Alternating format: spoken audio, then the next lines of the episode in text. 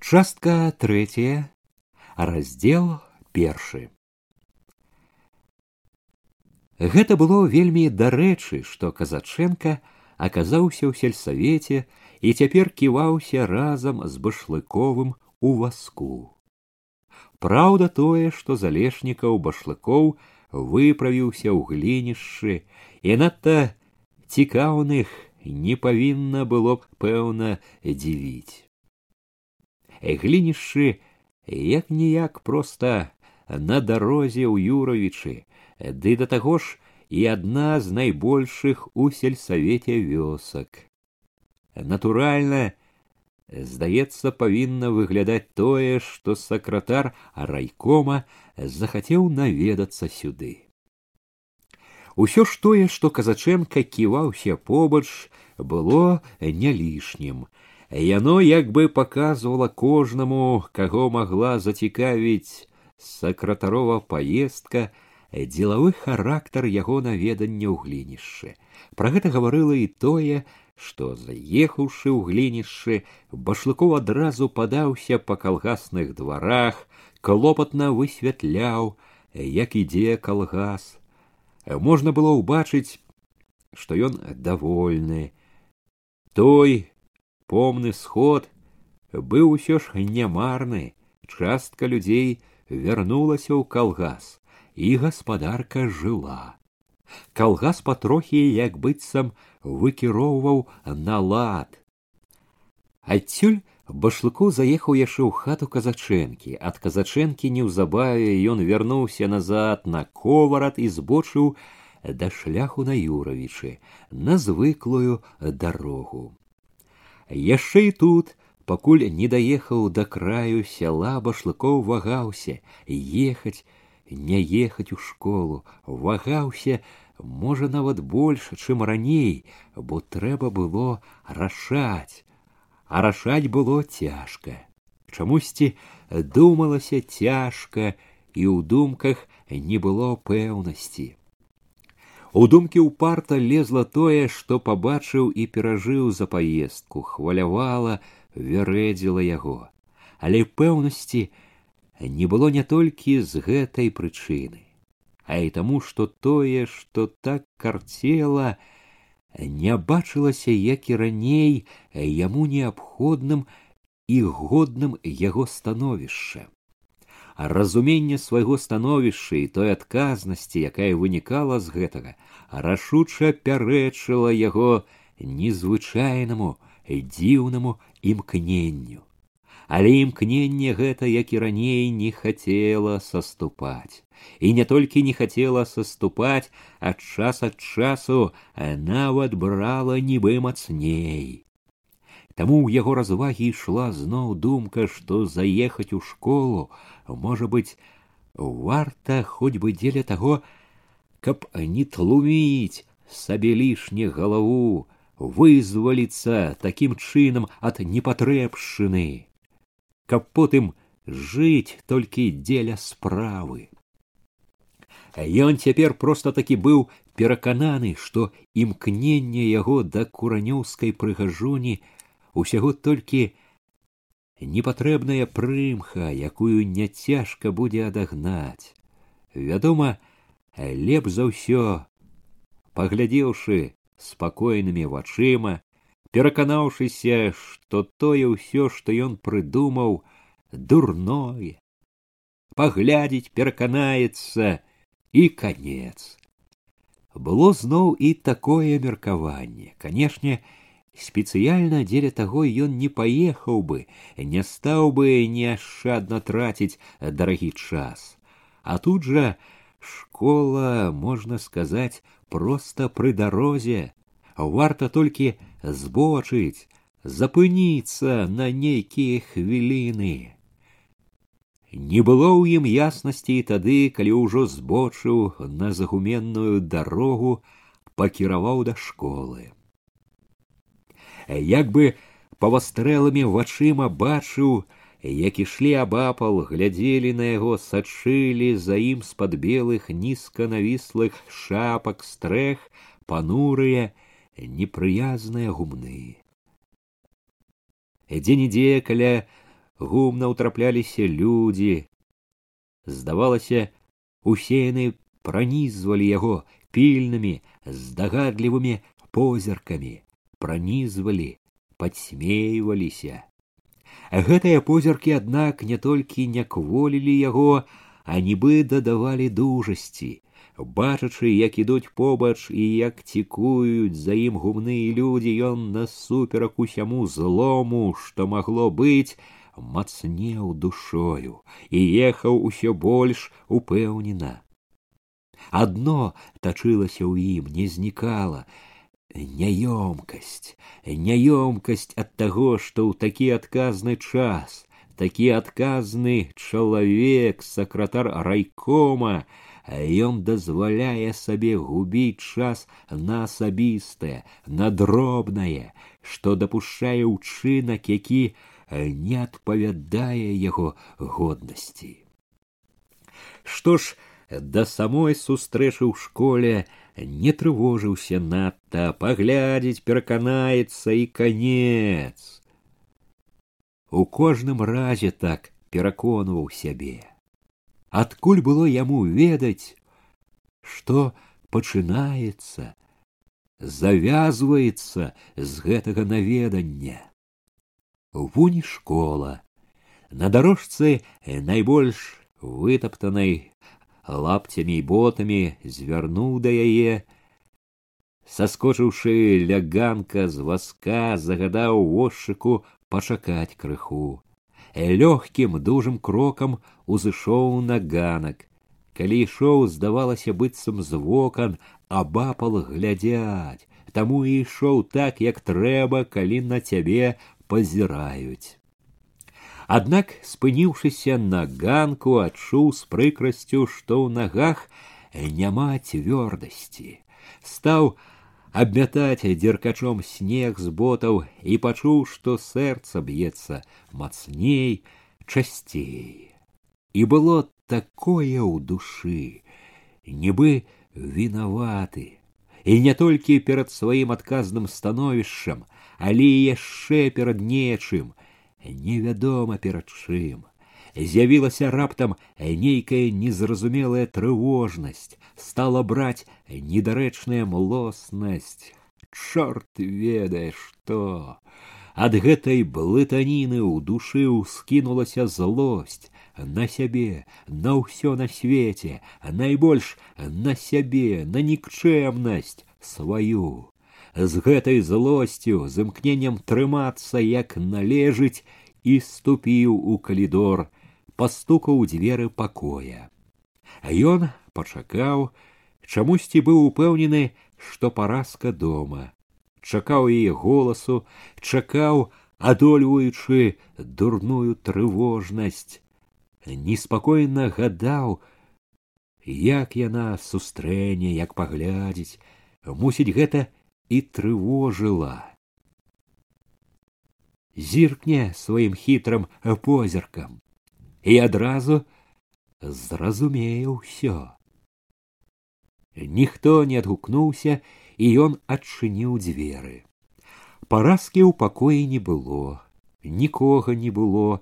Ён ступіў у пакоі, адразу пачуўшы сябе вальней, рушыў па пакоі гаспадарскім крокам пастукаў у дзверы суседняга пакоя кухні адчыніўшы трохі дзверы запытаў голасна ёсць хто тут жывы у пакоі была яна яна ішла насустрач і яны ледзь не сутыкнуліся ў дзвярах момант яна нібы не пазнавала ці не верыла сабе Не чакала, тады раптам адразу твар яе заяснеў, а сказала яна уся свецячыся радасцю.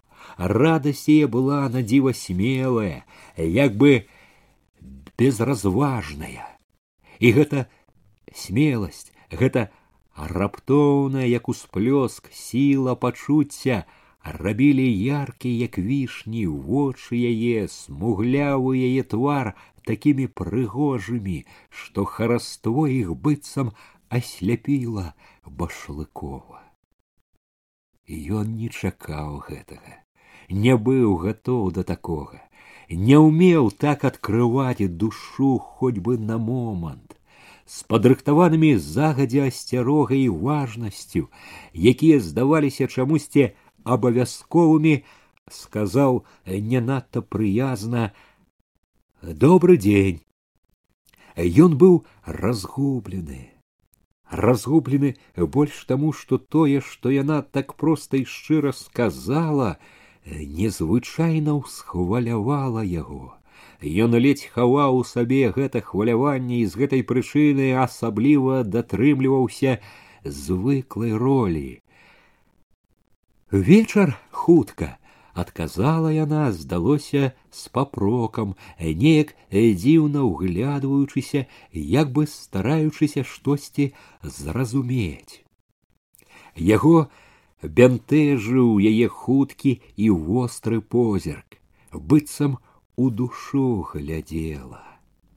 Тады ж ён пабачыў, як вочы яе і твар сталі паволі, нібы неахвотна, шкадуючы аб гэтым хмурнець. Яна не адразу выйшла насустрач, мусіць таму, што нешта затрымала яе, нешта тады рабіла. Рукі яе былі закасаныя за локці, на іх бялела мука. Цяпер яна ўспомніла пра іх і з тым жа выразам шкадавання, одуму стала выціраць аб фартух. Да хутка сказаў ён важна, клапоцячыся, каб яна не заўважыла, што там у ім стойнае, зняў шапку. От ехаў міма. Работы багато. Яна прамовіла так, што ён адчуў, запыталася, абы не маўчаць. Нацяты чуў яе вострую увагу, праніклівы позірк, много работы ён трымаўся ўсё важна незалежна гарачая пора можна сказаць ворыва прамовіла так быццам затаіла а схавала нешта іншае ворыва скора пералом будзе лягчэй пойдзе. Лягчэй, здалося, не поверыла яна, лягчэй, пералом будзе. Ён сказаў цвёрда тонам чалавека, які добра ведае, як будзе і ўпэўнены ў сабе. І тым, што сказаў і як сказаў, ён як бы ўмацаваў сваю годнасць. А яна прамаўчала але ў маўчанні яе пачулася нязгода нібы казала лягчэй не будзе мусіць сход той помніла дзіўна ён не мог глядзець на яе проста адкрыта адводзіў вочы і як не хацеў не было ў ім спакою належнай яснасці было гарачае збродлівая недзе там у глыбіні ўзрушанай свядомасці. Якая краса!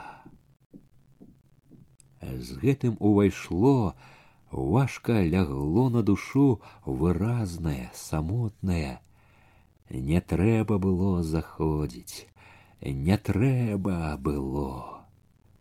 Разуменне красы яе было такім моцным што гэтая незнаёмая вясковая жанчына нібы ўзяла неадольную ўладу над ім.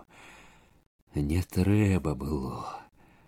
Не трэба было, чуў ён у сабе асцярожлівае, цвярознае, хаваючы кволасць, шкадаванне сваё, ён прамовіў знарок дзелавіта: « А дзе паразка Андрэўна?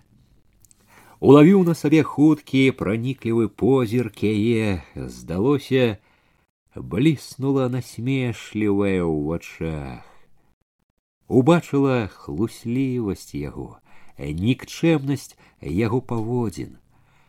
На сяле недзе пайшла ў сяло, і ў тоне слоў яе чулася насмешлівая, впіклівая. Пазваць яе Именно таму, што яна бачыла, сачыла насмешліва, ён трымаўся належнай ролі. Да, канешне, зараз. А яна, хапаючыся, адвязала фартух, здалося, намерылася ісці, але затрымалася. Ён улавіў на сабе яе позірк. Здалося, яна чакала, што ён спыніць гэту нікчэмную хлусню. Ён прамаўчаў, і яна рушыла да дзвярэй. Бачачы, як яна ідзе хутка імкліва, ён адчуў, што яшчэ момант, і ён страціць яе. І гэта дало яму дужасці, рашучасці, хаваючы няёмкасць, стараючыся трымацца як можна годна, ён прамовіў: не, не трэба. Яна спынілася, ужо гатовая ўзяцца за клямку, азірнулася, нібы не разумеючы. Ніякай насмешкі ў вачах яе не было. Яна чакала тлумачэння. Спыніўшы яе, ён зрабіў самае цяжкае ў сабе. Ён зрабіў першы крок. Ён пачаў дзейнічаць адкрыта Ужо не хаваючыся ён шчыра цвёрда сказаў я не да яе ехаў першы момант ён адчуў палёгку як бы скінуў тое што замінала адкінуў фальш зрабіў учынак па законах праўды. Але амаль адразу ж за гэтым у яго ўнізалася цвярозая разважная што я раблю асцярожлівае яно паспрабавала разумна стрымаць яго не трэба не трэба гэтага праз сумяціцу пачуццяў ён добра адчуваў гэтае разумнае не трэба аднак яно не мела над ім належнай улады мала было ў ім у гэтым перасцярожлівым сілы іншае заваблівае смелае было мацней вяло звала а чорт зазлаваў ён на сябе на таго асцярожнага нашто гуляць у хованкі круціць ён усё ж мужчына ён глянуў рашуча пайшоў напролом я да цябе ён прыпыніўся на міг перад гэтым першым цябе але вымавіў цвёрда башлыкоў бачыў як вочы яе твар яе ў момант успыхнулі яна раптам ураз уся засвяцілася радасцю быццам дзівосна змянілася змянілася так імкліва і такім хваляваннем адкрылася што гэта ўразіла і ўзрушыла башлыкова захапіла яго услед аднак амаль адразу як у ёй гэта хутка мянялася радасць яе саступіла нейкаму клопату і нават падобна было недавер'ю Цяпер вочы яе здалося не зычылі добра, судзілі. Было відаць яе мучыць нейкі цяжкі паганы роздум.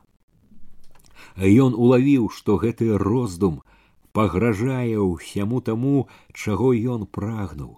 Гэта разуменне небяспекі узняло ў ім рашучасць. Ён паўтарыў цвёрда: « Я хацеў цябе ўбачыць яна ўсё яшчэ ва ўладзе панурага роздуму угледзелася ў яго невясёлымі уважлівымі вачыма угледзелася і адвяла позірк як раней клопатны важкі а яму здалося яна не верыла яму Ён разумеў, што патрэбны яшчэ нейкія словы, нейкія доказы, якія пераканалі яе, развеялі б недавер'е.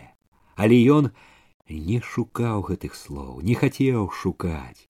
Як не быў узрушаны, ён быў усё ж башлыковым, сталым, дзелавым чалавекам, нават цяпер помніў, хто ён і якім павінен быць зрабіўшы і так здавалася многа больш чым мог бы нядаўна ён адчуў патрэбу спыніцца падумаць разважыць як быць далей тое што выспела ў ім ён выказаў далейшае ж было вельмі цьмяным трэба было разабрацца падумаць а думалася цяжка у галаве не было яснасці, цяжка, горача біла ў скроні. Было няёмкае, здавалася, доўгае маўчанне, поўнае тлумнага хвалявання і супярэчлівасці ў настроі. Ён у гэты час не глядзеў на яе, аднак чулы, нацяты, адразу ўлавіў незразумелы неспакойны рух кінуў позірк да яе ён не памыліўся а яна з нейкім новым хваляваннем глядзела ў акно. Паразка ідзе прамовіла сустрэўшыся з ім вачыма.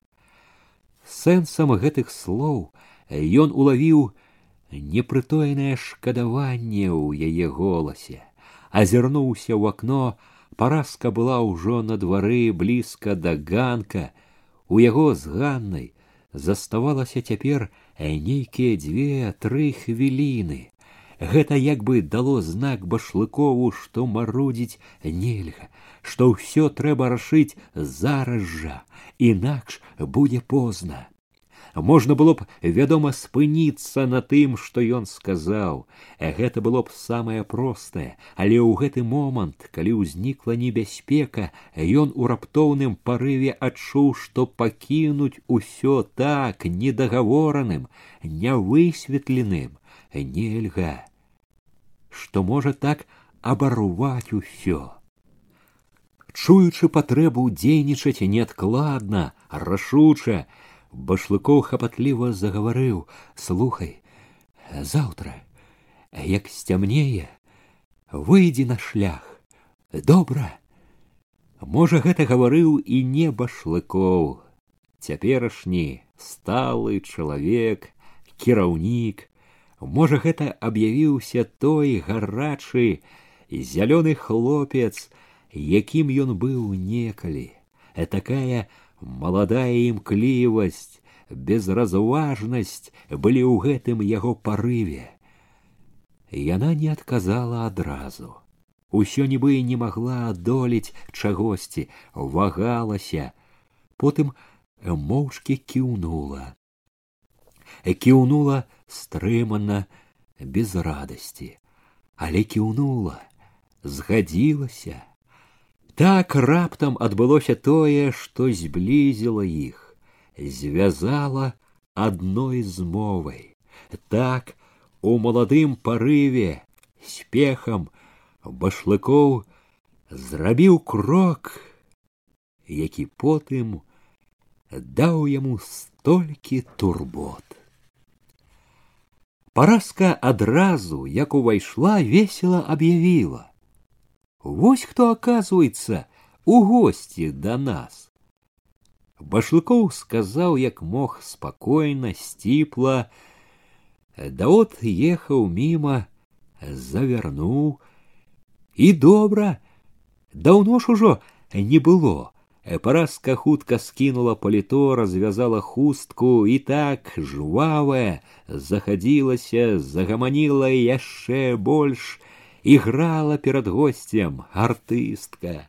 Мы уже думали тут, что минае знарок.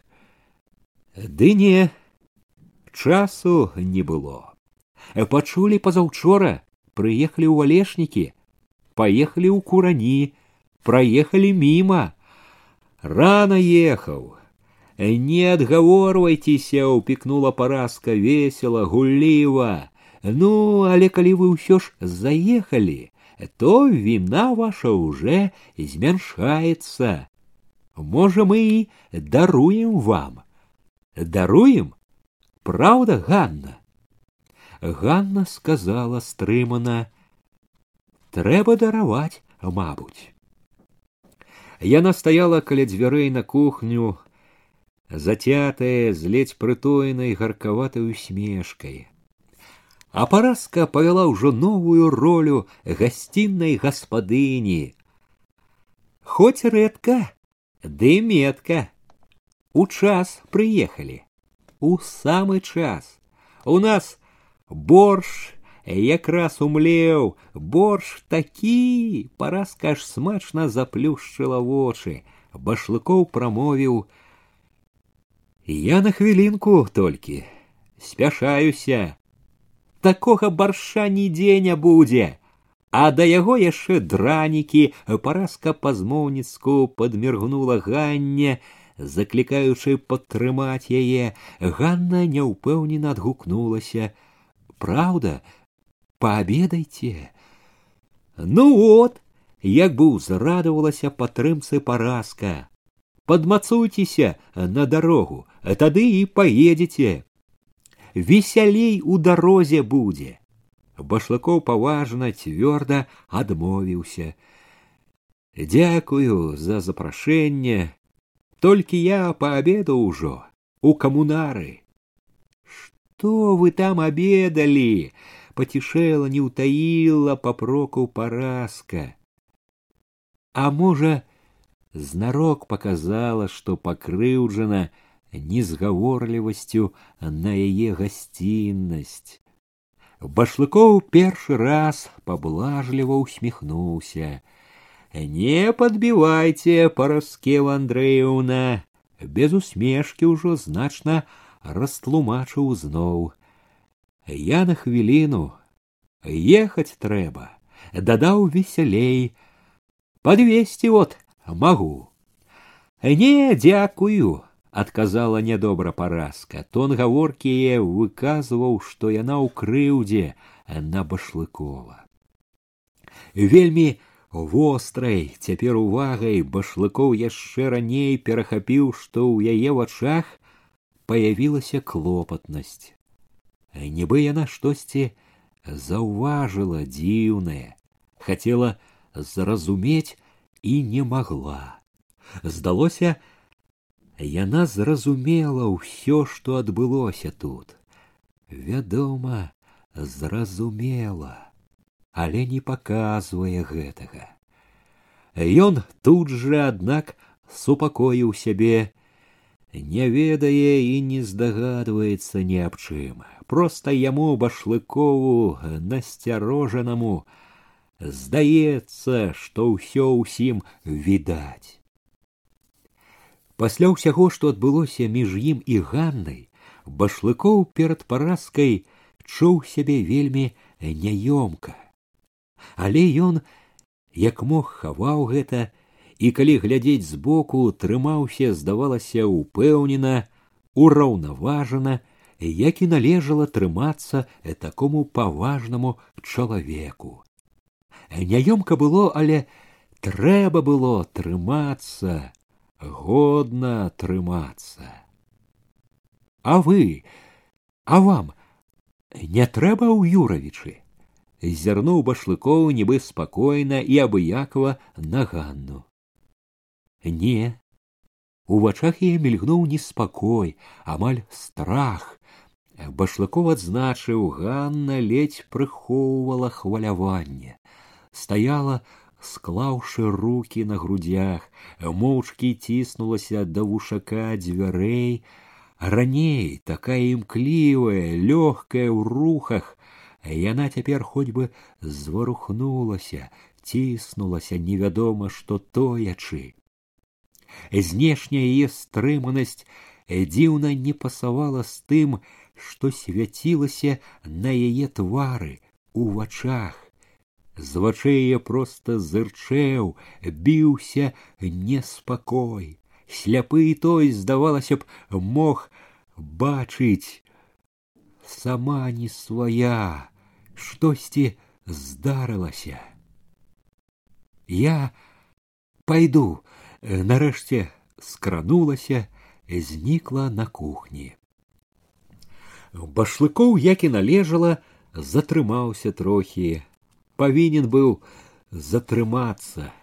Зняў паліто, у якім усё яшчэ стаяў, прайшоўся па пакоі, сказаў некалькі слоў пра тое, дзе быў гэтыя два дні, што рабіў, павёў дзелавы роспыт пра справы ў глінішчах, пра настроі, паказваў, што з заклапочанасцю і вялікай цікавасцю слухае паразку. Тады загаварыў пра раённыя турботы, пра то, якая небяспечная сітуацыя цяпер у раёне, пасля ўсяго даў парады паразцы, што да яе грамадскай працы сярод сялян. Гаворчы гэта ў сваёй звычайнай ролі набыў нарэшце хоць на час нетрывалую раўнавагу, сцішыў насцярогу паразкі. Сабраўшыся ехаць, надзеўшы зноў паліто, выйшаў да Ганны развітацца. На ганніным твары былі ранейшы неспакой, сумяціца. Рука гарачая, разгубленная, паспешліва адказала на поціск. Ганна не пайшла праводзіць. На двор, накінуўшы на плечы каптаншык, выйшла адна паразка. Ужо без ранейшай гуллівасці з нядобрай прытоенасцю папракнула, што не застаўся абедаць, сказала не мінаць іх дому, заязджаць. Ён, паказваючы, што заклапочаны ўжо новымі справамі, падзякаваў, паабяцаў, што будзе заязджаць, калі будзе час. Была сумяціцца пачуццяў і думак, калі вазок выслізнуў з загумнаў, падрыпенне гужоў нячутна паплыў белае пустое поле. Спачатку гарэў перажытым, бачыў вочы яе, усю яе, не мог супакоіцца. Якая краса, просто чорт ведае, што нічога, здаецца, такога не бачыў. Як яна тут вырасла такая, у звычайнай сляпой хатцы, цуд нейкі і толькі, і краса, і разам годнасці колькі, розум, які свеціцца, здзівіўся, як ён не пабачыў гэтага першы раз, а слеп тады ад няўдачы. За гэтым згадываў, чуючы, як у грудзях гарачэе, да цябе прыехаў, цябе пабачыць хацеў. Словы гэтыя, здавалася, гучалі ў галаве, асабліва ж гучала моцна, нецярпліва, завабна, заўтра, як сцямнее, каля дарогі, згадваў, як яна кіўнула і нібы не паверыў шчасцю.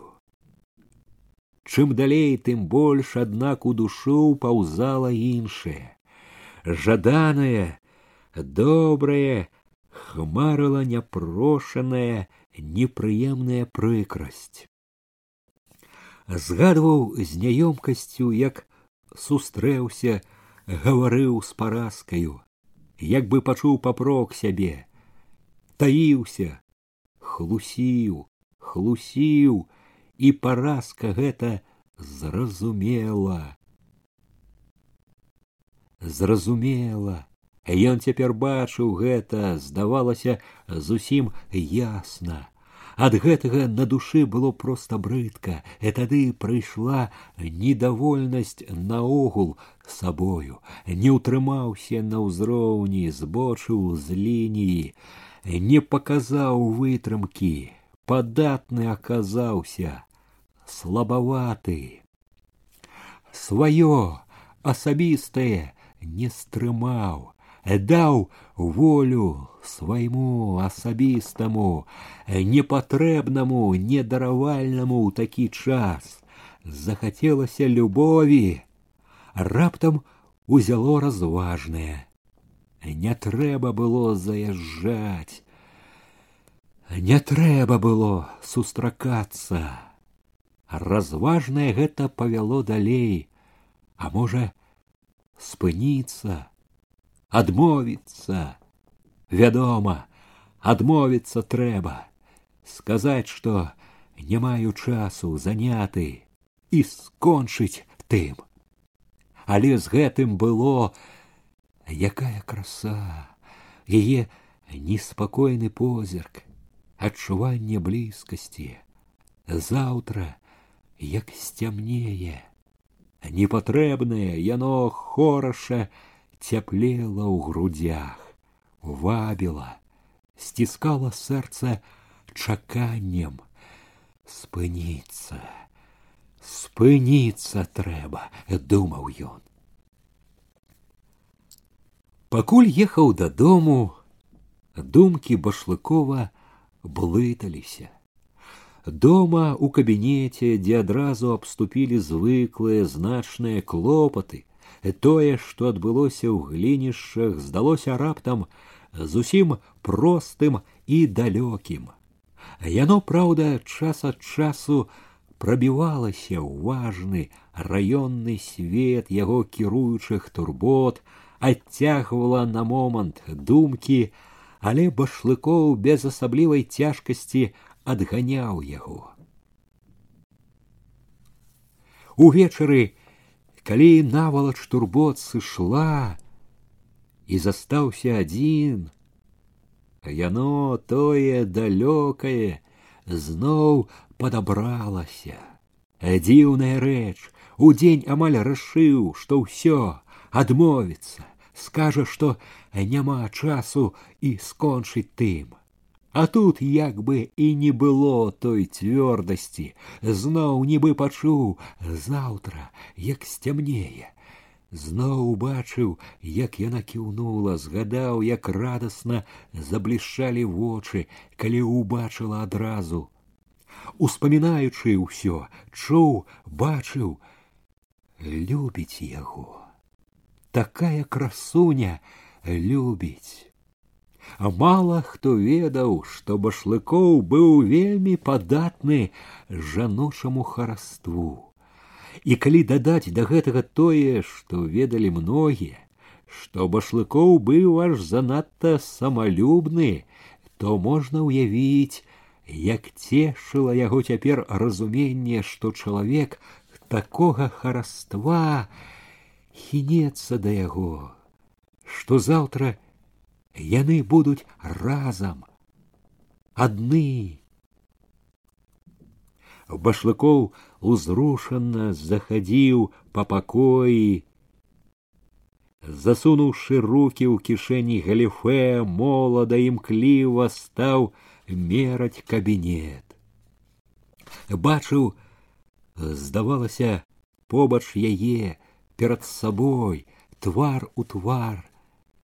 Эчу, здавалася, цяпер яе, чуў сябе маладым, дужым, удачлівым. Не адразу супакоіўся. Калі захадзіў спакайней, падумаў, яна ўражвала яго не толькі знешнім хараством, але і неспадзяваным багаццем унутранага жыцця, нейкай незвычайнай трапяткой чуласцю. Цэлы свет угадваўся ў ёй, вабіў, клікаў, і хто б мог падумаць, прыйшло недарэчнае. Звычайная прыбіральшыца, Ён, праўда, тут жа спыніўся, цвяроза папракнуў сябе, што разважае як арыстакрат, як законны дваранін, дваранін з-за лінейных гомельскіх баракаў. падумаў са з'едлівай насмешкай сябе, адкуль гэта ў яго з'явілася такая вышэйшасць. Нагадаў сабе, кожная кухарка павінна навучыцца кіраваць дзяржавай, далучыў упэўнена, гэта так званая прыбіральшыца зможа, калі даць толькі падвучыцца. Ён стаў думаць пра яе. Ён адчуваў, што так мала ведае яе, хто яна, чаму яна ў школе, чаму не з бацькамі, ці вольная, незамужняя. Яна не падобная на дзяўчыну. Відаць, была замужам, відно, нямала паспытала. Успомніў, як стрымлівалася, падумаў, а можа, і цяпер замужам. Не запярэчыў адразу, калі была, то разышлася, інакш не жыла б адна пры школе. Свайго кутка няма, а калі быў муж, то хто ён, чаму разышліся ці з'ехаў куды? Багата пытанняў раптам узнікла, і яны так закарцелі, што башлыкоў перастаў хадзіць, гатоў бы ўсё зараз жа высветліць. Ён ледзь не ступіў да стола да тэлефона выклікаць каго трэба загадаць высветліць у час схамянуўся што выклікаць нікога нельга не толькі таму што ніхто тут такога не ведае а і таму, што так лепш не высвятляць. Нельга дапускаць у гэта нікога. Пашкадаваў, мог бы высветліць там, былі нагода і час. Успомніў доўгае маўчанне, з-за гэтага падумаў цяпер недовольна, многае і засталося недагаворанае зазлаваў на сябе, што лічаны час быў страчаны так по-дурному.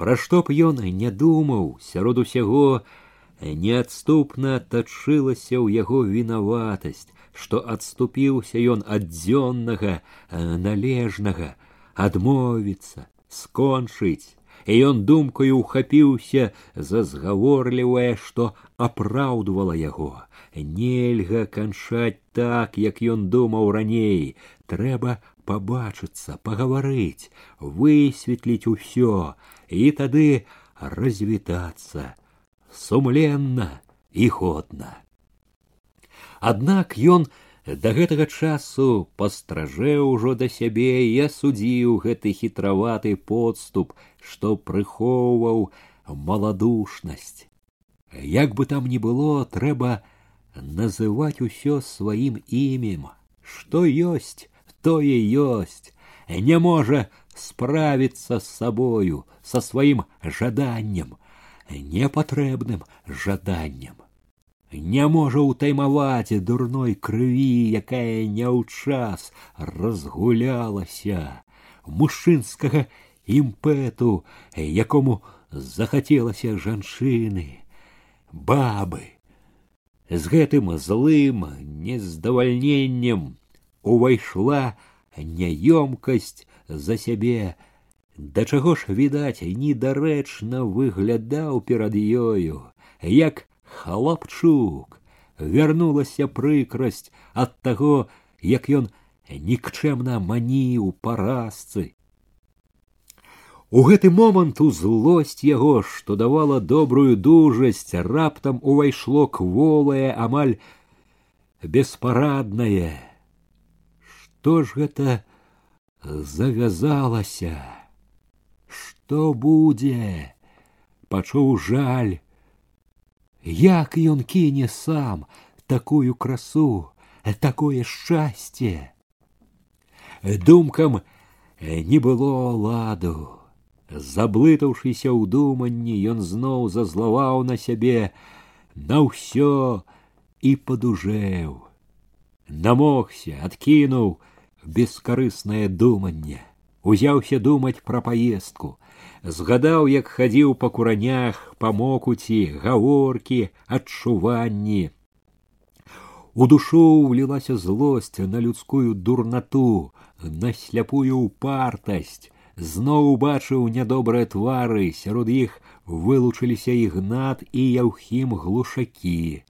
Нібы паўтарылася ясна і ўнізліва размова з гайлісам нічога не разумее апартуніст аслеплы з-за такіх вось за ліберальных дабрадзеяў і бяда ўся прарыў у раёне на бюро гэта правільна адзіна правільна і абавязкова архвывады трэба належныя кадры з такімі і тое што ёсць загубім кадры аснова ўсяму башлыкоў заўсёды надаваў асаблівае значэнне кадрам ён потай быў перакананы ва ўменні сваім падбіраць кадры з таго што было пад рукой выкарыстоўваць лепшае для справы ён бачыў ідэальных па ўсіх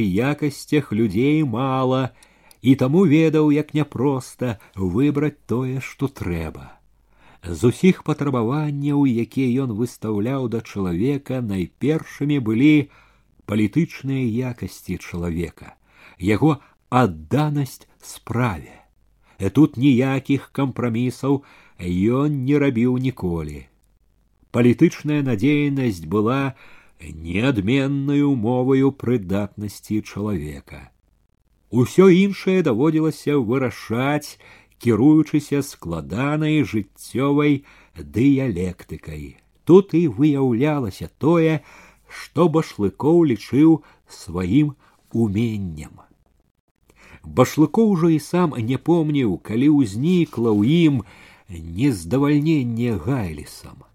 Даўно ўжо стала карцедзі думка, што трэба б замяніць некім гэтага ўпартага недалёкага чалавека, які нярэдка гне нейкую сваю лінію. Можна сказаць, гэта думка акрэслілася канчаткова на сходзе ў глінішчах. Тады ж на недалужным гэтым сходзе кінулася ў вочы і асоба дубадзела. Едучы залешнікаў башлыкоў не так сабе падсадзіў у свой вазок яго рашыў прыгледзецца праверыць. Мераючы цяпер кабінет, уткнуўшы руки ў галіфе башлыкоў заглыблена думаў пра дубадзела. Думаў не з бескарыснай цікаўнасцю, а з дзелавой заклапочанасцю, як пра кадравага работніка. Развагі былі няпростыя, ведаў, дубадзел малакультурны, грубаваты, п'е, ва ўсякім разе піў. Быў ужо старшынёй сельсавета правалілі, а разам з гэтым дзелавітасць, веданне народа, веданне мясцовых умоў, паходжанне, даныя ўсе, што трэба, ніякіх заган са сваякамі, мінулае чыстае.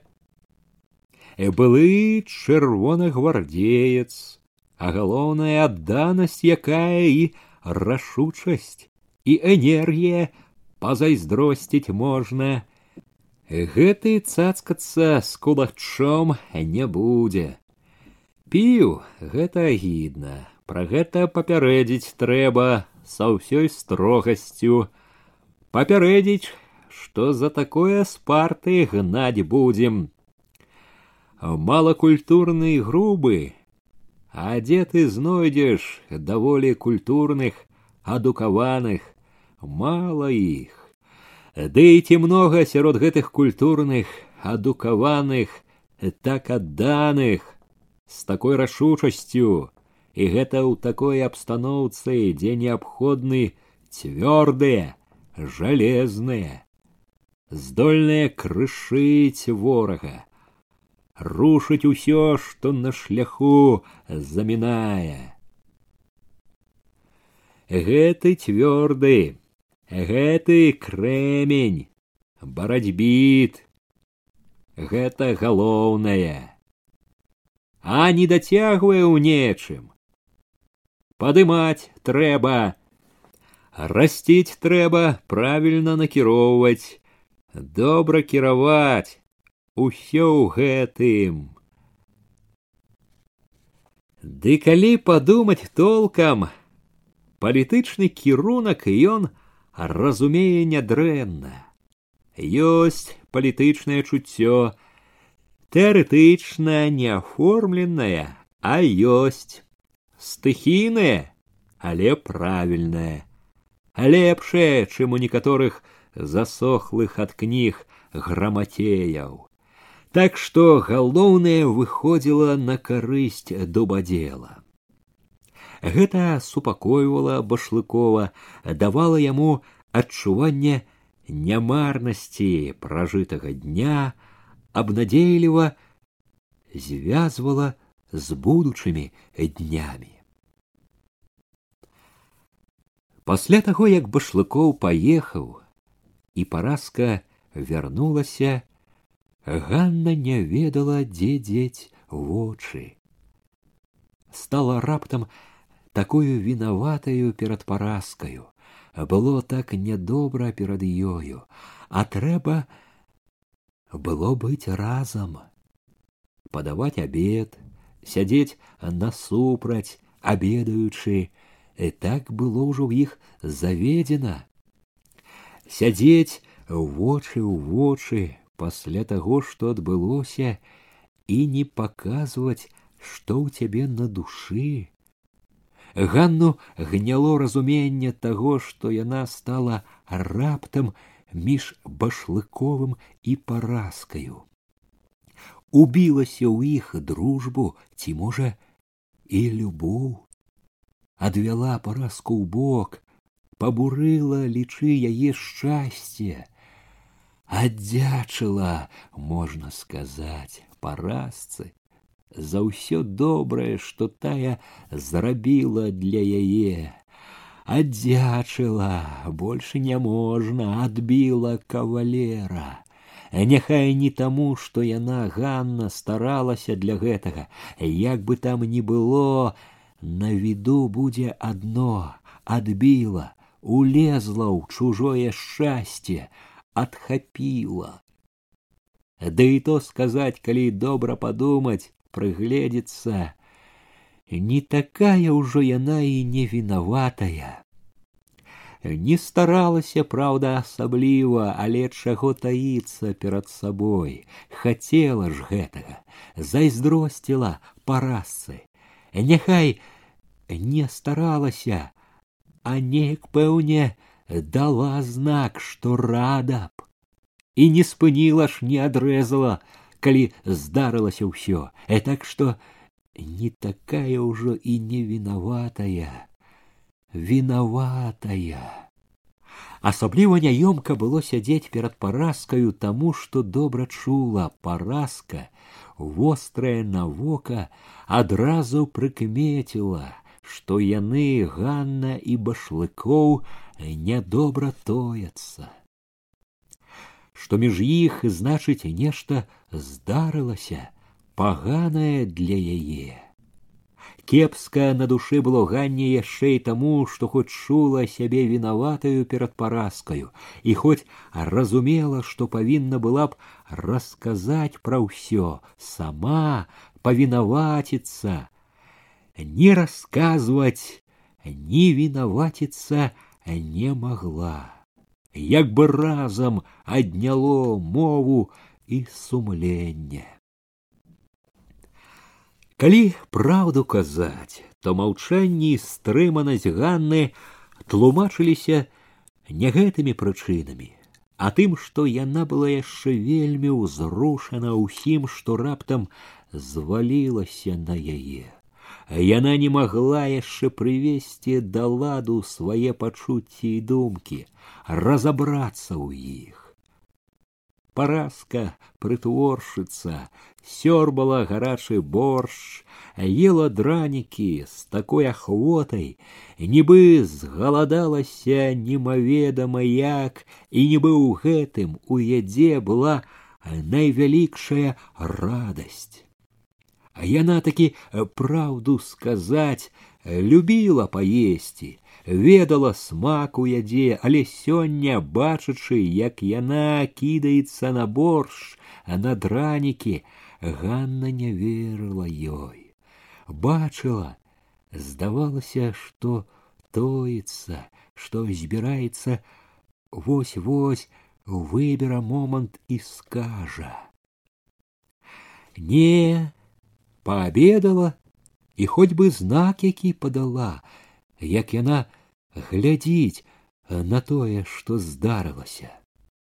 Калі ўстала за стола, довольная абтерла губы, пахваліла, Смачна поела, амаль попракнула весело сябе, наелася на два дні. Мелькам весела ж зазначыла. Дарэмна ён не застаўся, не пашкадаваў бы, заплюшыўшы соладка вочы, пацягнулася, нібы спалохалася. Ой, на сон нешта павяло, а яна пазяхнула, потым выпрасталася, нязгодна крутнула галавой. Не, спаць няма калі, трэба зашыткі. З выгляду рашучая, нібы ганарлівая той цвёрдай хадою, якую кіравала звычайна ў клас, на заняткі падалася ў свой пакой. Крокі там амаль адразу ж запыніліся, чыркнула, пасоўваючы гнутае з дручкоў з фанерным эдонцам крэсла, што стаяла каля стола і на якім паразка любіла сядзець, і ўсё сціхла. Падобна было на тое, што паразка села такі за стол правяраць сшыткі. Праверка сшыткаў ведала Ганна доўгі клопат. Калі толькі яна будзе сапраўды чытаць, то гэта надоўга, надоўга ці ненадоўга ўзяла яна сшыткі, Ганна пачула палёгку. Можна нарэшце пабыць адной, перадыхнуць. Прыбрала са стола, перамыла посуд, праз калідор выйшла ў клас, стала прыбіраць там пасля дзённых заняткаў, рабіла ўсё хутка, нецярпліва, як бы хацела перадаць, збыць з душы той неспакой, што неадступна вярэдзіў яе. Сярод класа раптам кінула мокрую анучу, якой мыла падлогу, за чаем села на парту, бяссіла, опустила руки на колени. Завтра, як сцямнее, біла, здавалася ў скроні. Горача было, задыхалася нібы, аж поверыць няможна, як бы выдумка якая да цябе прыехаў. Завтра, як сцямнее. Думкі рваліся ў тое заўтра на шлях, галава тлумілася ад гэтых думак, радасць залівала ўсю радасць і неспакой. І радасць і неспакой былі моцныя, грымелі проста, здавалася, на ўвесь пакой. Першы час не магла саўладаць з імі, не магла думаць ні аб чым, потым ужо вылучылася неспакойная. Што ж гэта значыць? Што будзе? Нарэшце зусім стрымала сябе, зірнула на ўсё стомлена і як бы працверазеўшы, прысудзіла сабе: нічога не будзе, нічога. Калі паспакайнела, стала больш назаляць тая вінаватасць, якую чула перад паразкаю. Нейкі час думкамі горача даводзіла ці то сабе, ці то паразцы, быццам тая стаяла перад ёй, чула, што не рабіла нічога для таго, не старалася ніяк. Скончылася гэта тым, што яна рашыла смела пайсці да паразкі, вылажыць ёй усё як яно ёсць і як было. Няхай ведае і няхай не думае чаго не трэба. Не думае няхай што яна ганна такая як ёй мабыць здалося. Спусцілася з парты выцерла руки аб фартух прыгладзіла валасы. У калідоры перад тым як адчыніць пакой прыпынілася пачула цішыню ў парашаным пакоі мудра не поверила цішыні не чытае канешне шытка ў сваіх не да чытання сядзіць не інакш і думае каго прыгрэла упэўненай рукой адчыніла дзверы рашуча ступіла ведала будзе непрыемная цяжкая гаворка, але гатовая была да яе. Скажа ўсю праўду, а няхай не думае, ступіла і здзівілася. Узяло расчараванне. Паразка хілілася за сталом, чытала, вочы пільна бегалі па лістках, аловак раз пораз хутка ставіў знакі, знаёмы чырвоны аловак. Не азірнулася нават на Ганну. Ганна бачыла, не прыкідваецца, уся ў клопаце, у шытку сваім. У такія хвіліны Ганна раней выходзіла з пакоя.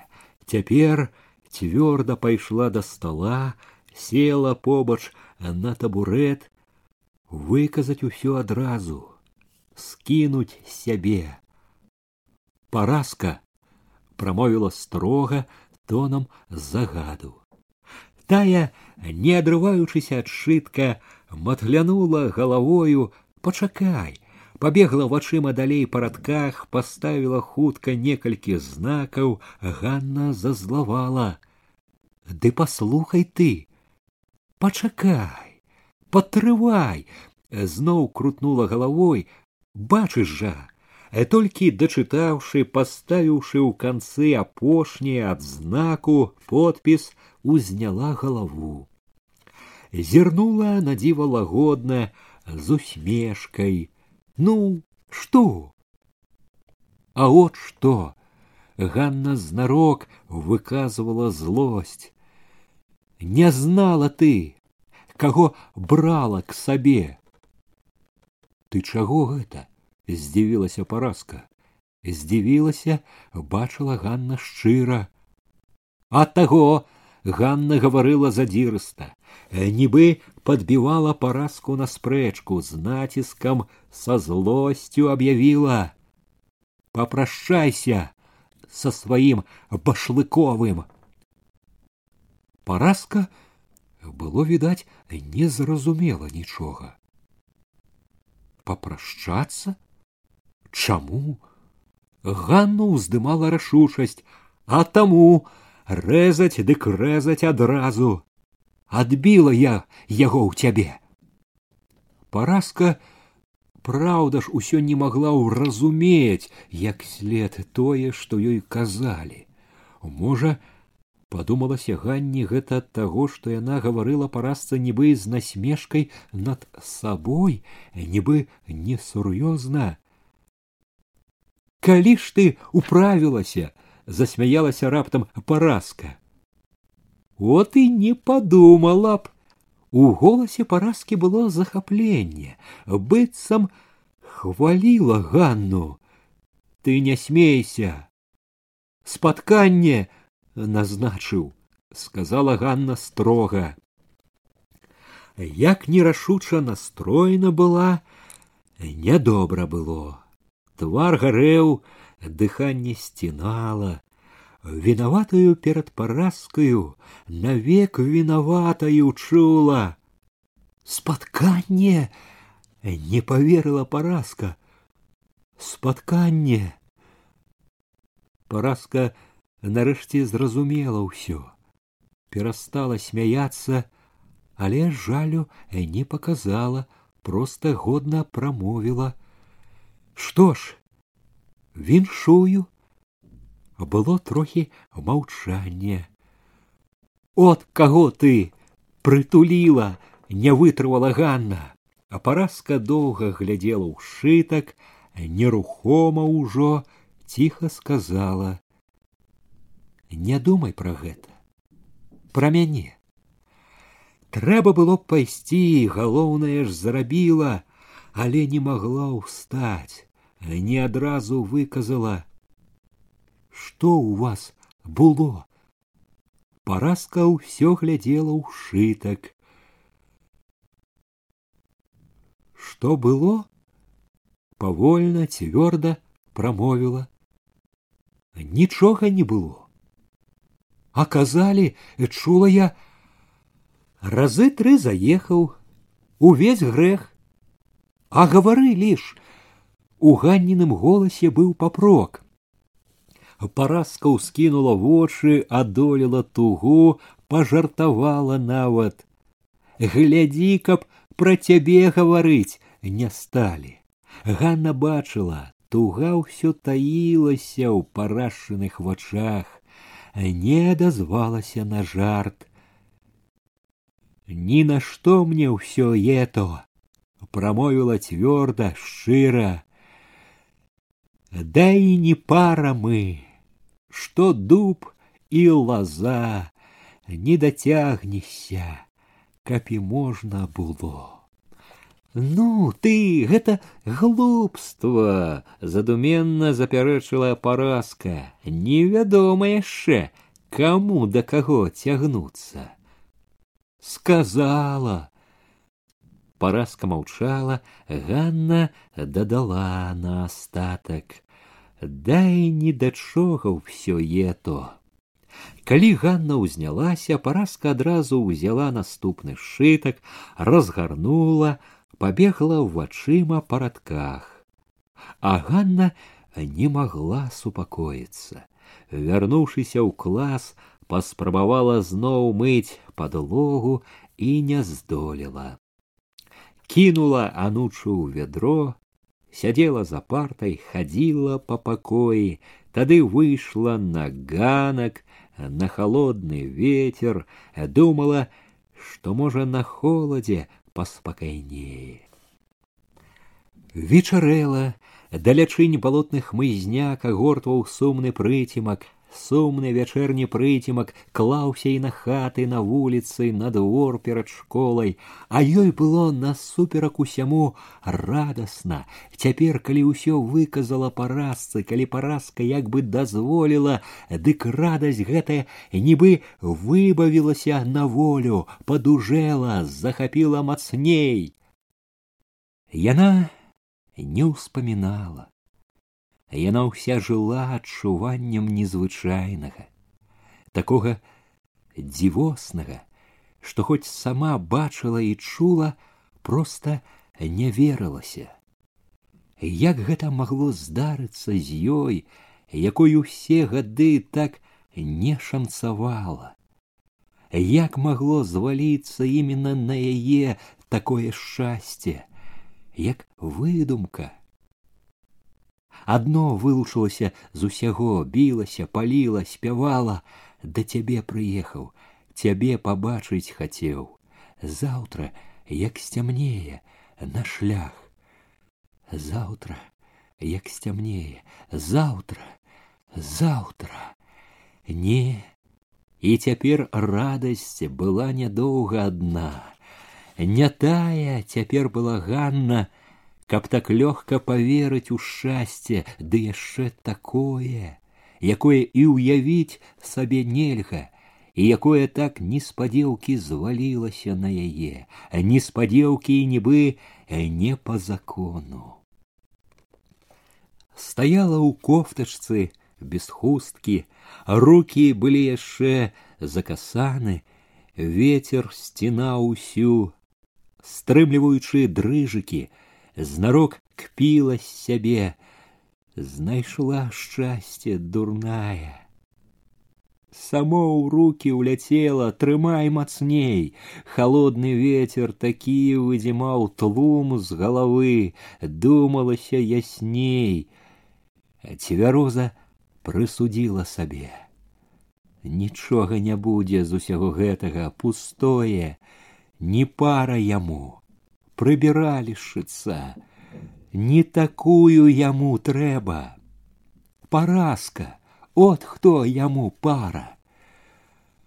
Пара не пара, а от выбраў, запярэчыла ў ёй неразумная, даверлівая, што вельмі ж не хацела траціць радасць, выбраў не паразку, а яе ганну выбраў, выбраў, пакпіла яна з той даверлівай дурніцы, захацелася пацешыцца мужчыну, падурэць трохі, а маладая кроў пабачыў адзінокая, вольная.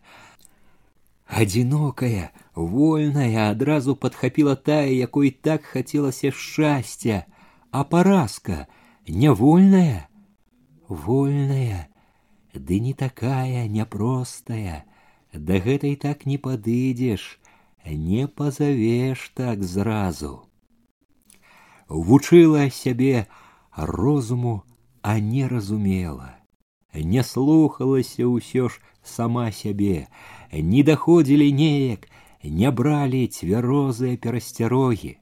Калі азіралася на тое, што было, які быў ён, калі казаў да цябе заўтра чулася, верылася няпроста і ў яго, не так сабе казаў, упадабаў, бачыла не сляпая, упадабаў. Трымаўся, праўда, важна, аж лішне, але відаць жа было, знарок гэта. Гонар свой мужчынскі помніў, і начальніцкі гонар не забываў.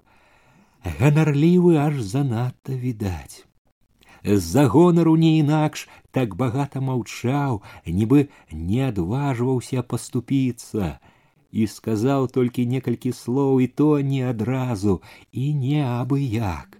Дзівілася, згадвала зухвалаю, далікатны які, не дакрануўся нават. Не тое, што не палез сляпіцаю, як нашы вясковыя, ведама, культура. А можа і ад таго такі радасна хацелася гэтага, што ўпадабаў. Як не стрымлівала гэта, баючыся памыліцца весела чула, сілу мела над ім, і ён знаў гэта. Таму і быў такі, непадобны на сябе ціхі, стараўся адолець гэта. Стараўся і не змог, сказаў, да цябе прыехаў, да цябе адной, не магла думаць інакш, як пра дзіва, такі чалавек быў неабыякавы да яе. Прыкмеціў, выбраў, захацеў яе іменна яе, такі дужы, такі разумны, такі строгі. Вярнулася ў клас, запаліла лямпу, стала завіхацца, потым кінула ўсё, зноў села, задумалася, зноў судзіла сябе, не строй дурная свят, Не будзе ў цябе нічога, не пара, не будзе, і няхай не будзе унізалася яшчэ адно цвярозае. Можа ёй нічога і не трэба. Ёй можа і таго даволі што ёсць і тое свята ёй, а наогул няма чаго сушыць галаву.